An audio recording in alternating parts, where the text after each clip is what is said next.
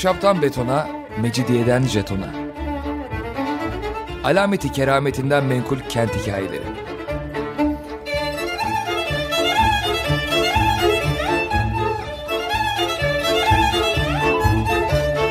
Hazırlayan ve sunan Pınar Erkan.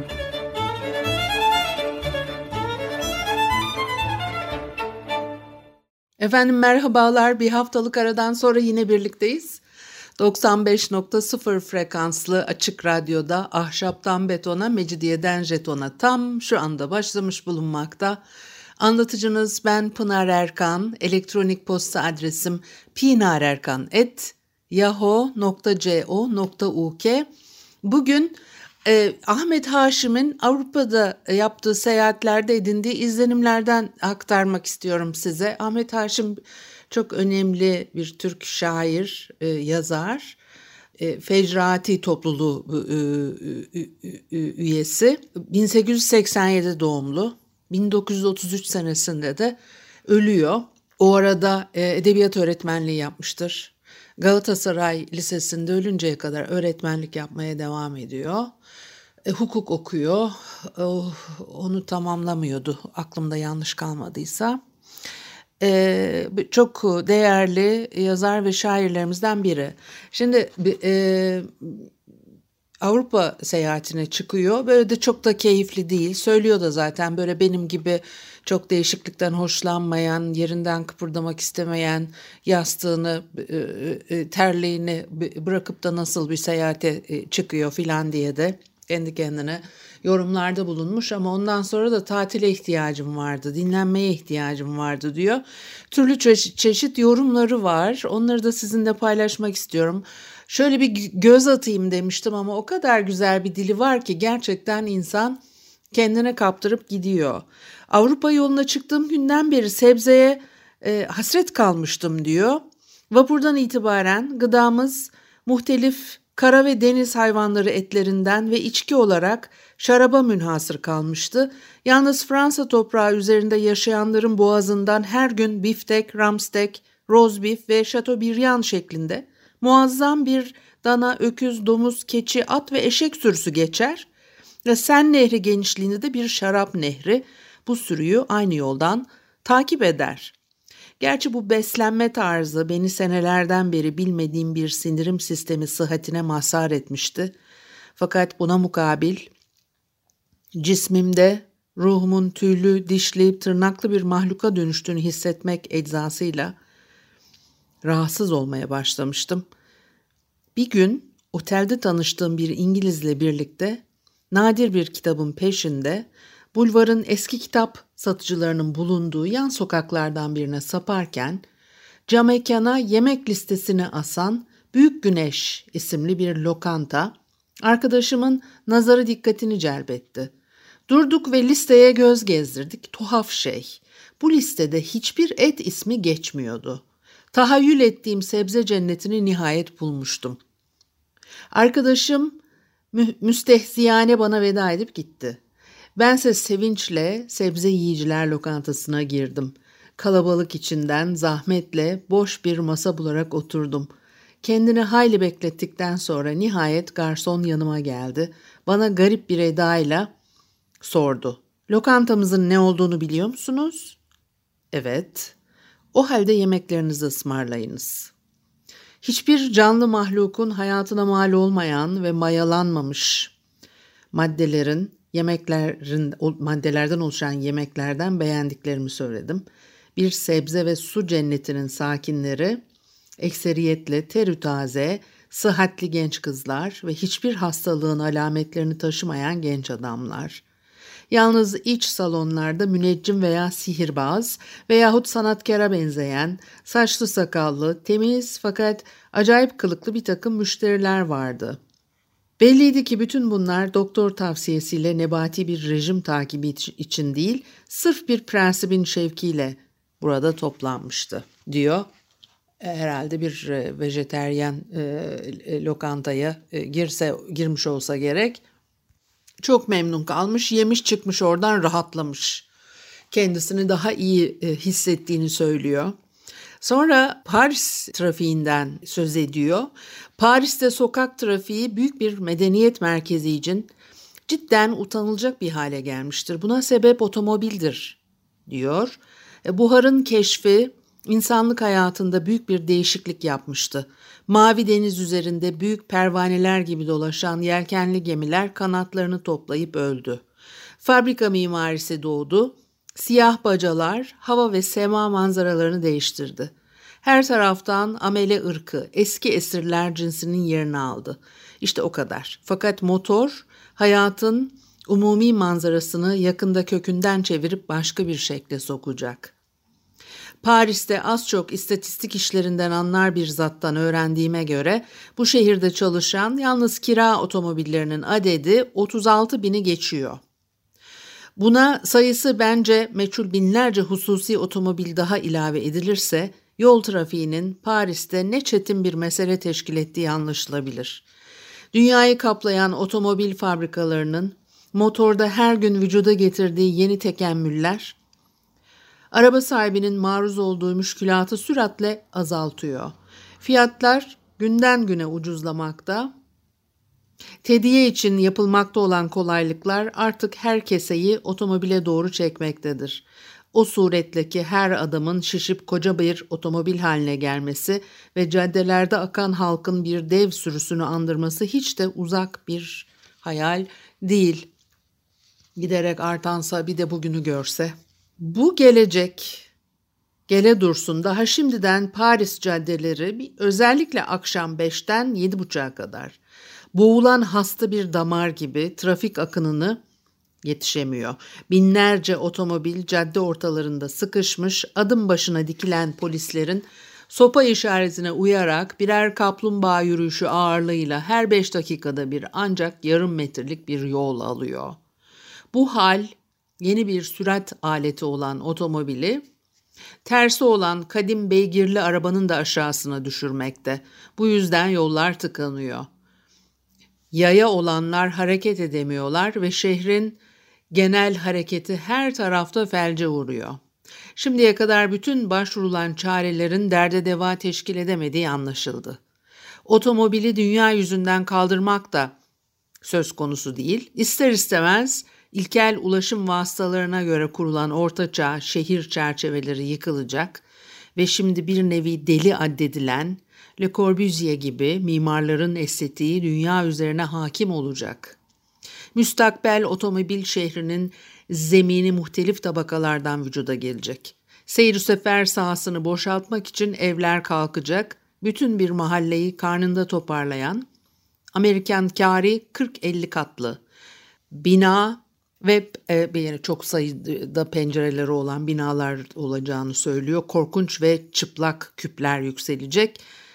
Bunu bir hayal zannetmemeli. Paris'te şimdiden yer altında büyük caddelerin açılması ciddiyetle düşünülüyor diyor.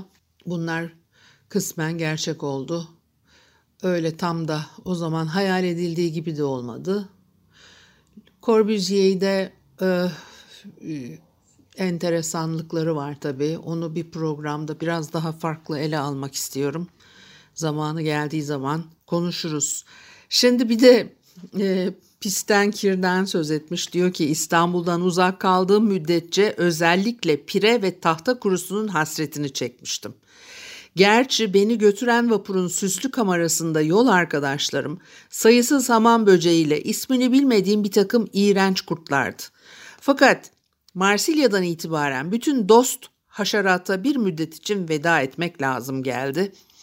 Paris, domuz eti yer, şarap içer ve Müslüman şehrinin emrettiği taharetlerin hiçbir nevini tanıyacak bir seviyeye henüz varmamıştır. Yani seviyeye varmıyor ya bunlar bir türlü.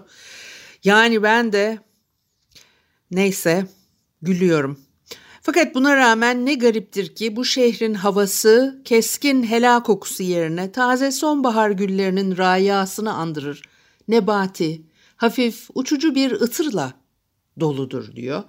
İnsan bağırsaklarının karanlıkları içindeki kimyevi faaliyet gibi Paris'in bütünlü bütün kirli mayalanması ve her büyük şehirde olduğu üzere beş duyudan hiçbirisine aşikar olmaksızın Yeraltı yollardan bir takım uzak, esrarengiz yerlere dökülüp gider.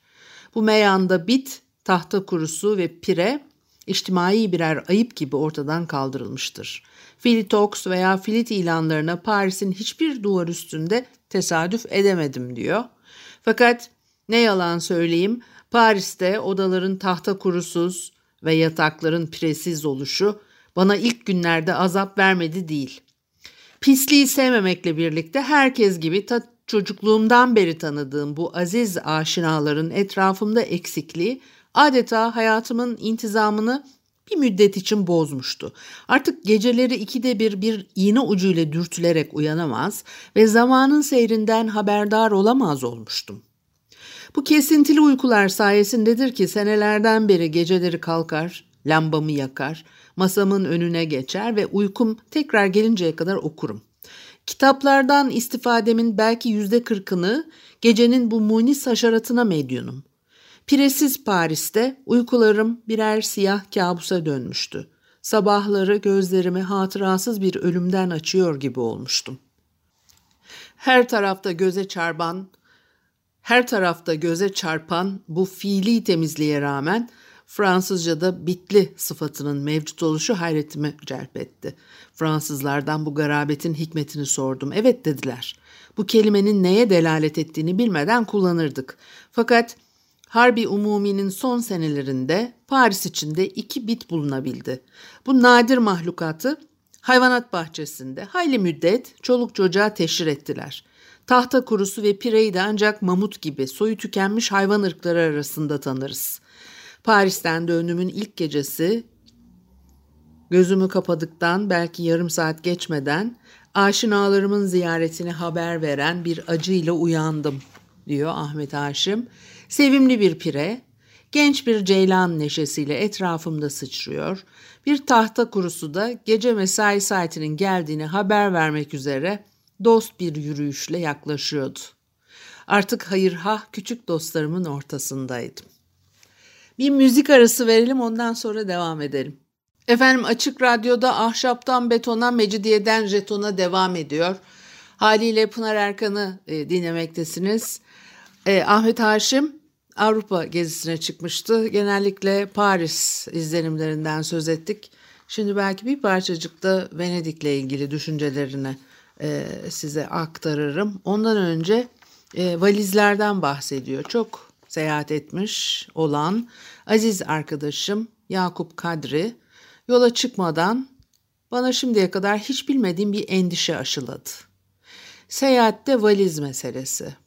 Bana demişti ki valizlerin güzel değilse zahmet edip seyahate çıkma, değmez. Çünkü hiçbir yerde iyi muamele göremezsin. Vapur kamarotlarının, hizmetçilerinin sana itinası hep valizlerinin kıymeti nispetinde olacak.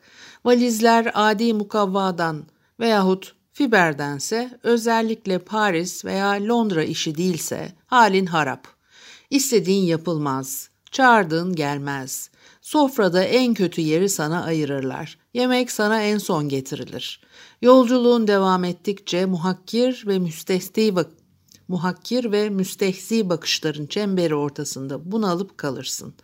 Vardığın şehirlerde aynı hal. Hamallar eşyanı kaldırmakta nazlanır.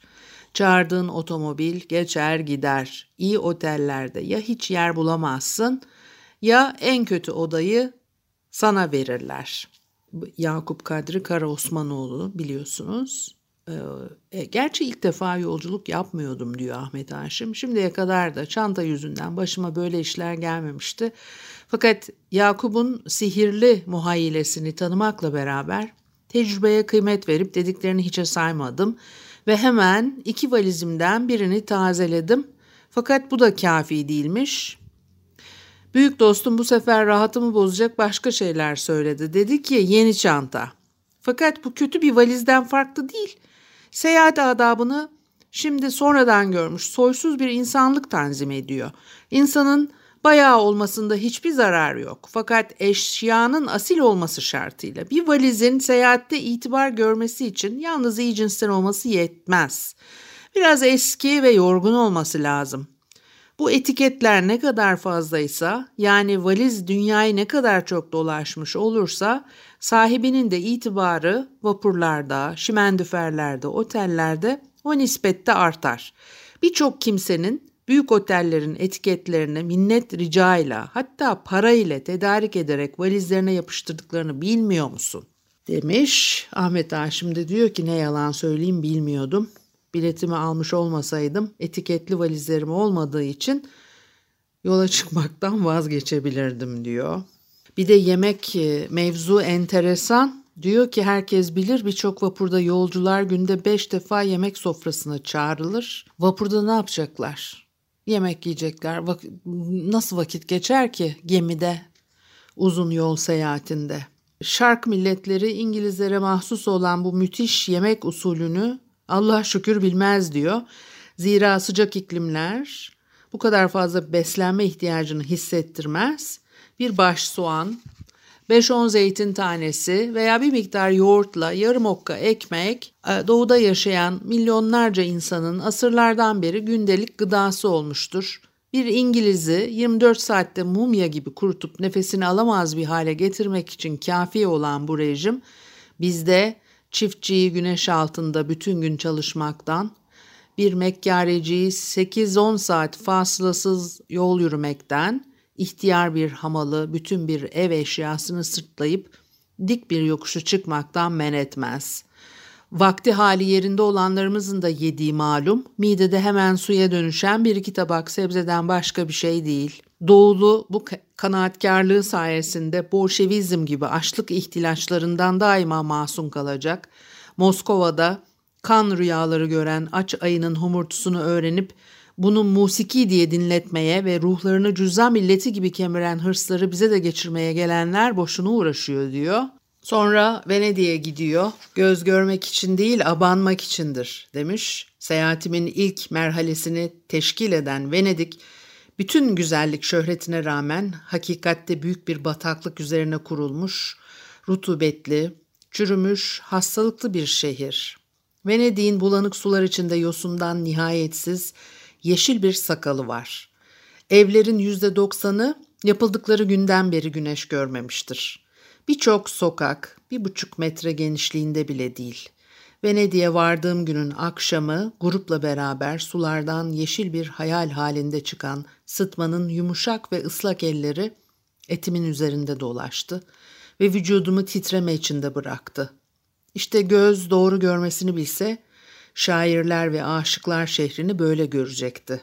Fakat herkes gibi ben de Venedik'i olduğu gibi göremedim. Kazanova'nın vatanı binbir hayalin şaşasına bürünmüş olarak karşıma çıktı. Caddeleri, sokakları renkli akislerle dolu. Durgun kanallardan ibaret olan bu şehirde ne otomobil, ne tramvay, ne at, ne araba gürültüsü var. Sükut sularının kenarında dizilmiş duran çiçekten, yapraktan, altın ve güneşten örülmüş harap saraylar tıpkı Dojlar zamanında olduğu gibi St. Mark Meydanı'nın ortasına dikilmiş yüksek tunç direkler üzerinde büyük kırmızı Venedik bayrağı hala her pazar günü iki muazzam İtalyan bayrağı ortasında Adriyatik denizinin rüzgarlarıyla dalgalanıyor. Her gece büyük kanalın suları sanki eski Venedik karnavallarının ışık hatıralarıyla düşünür. Bütün dükkanlarda hala satılan mercan gerdanlıklar, Murano camları, Burano dantelleri, işlenmiş deriler.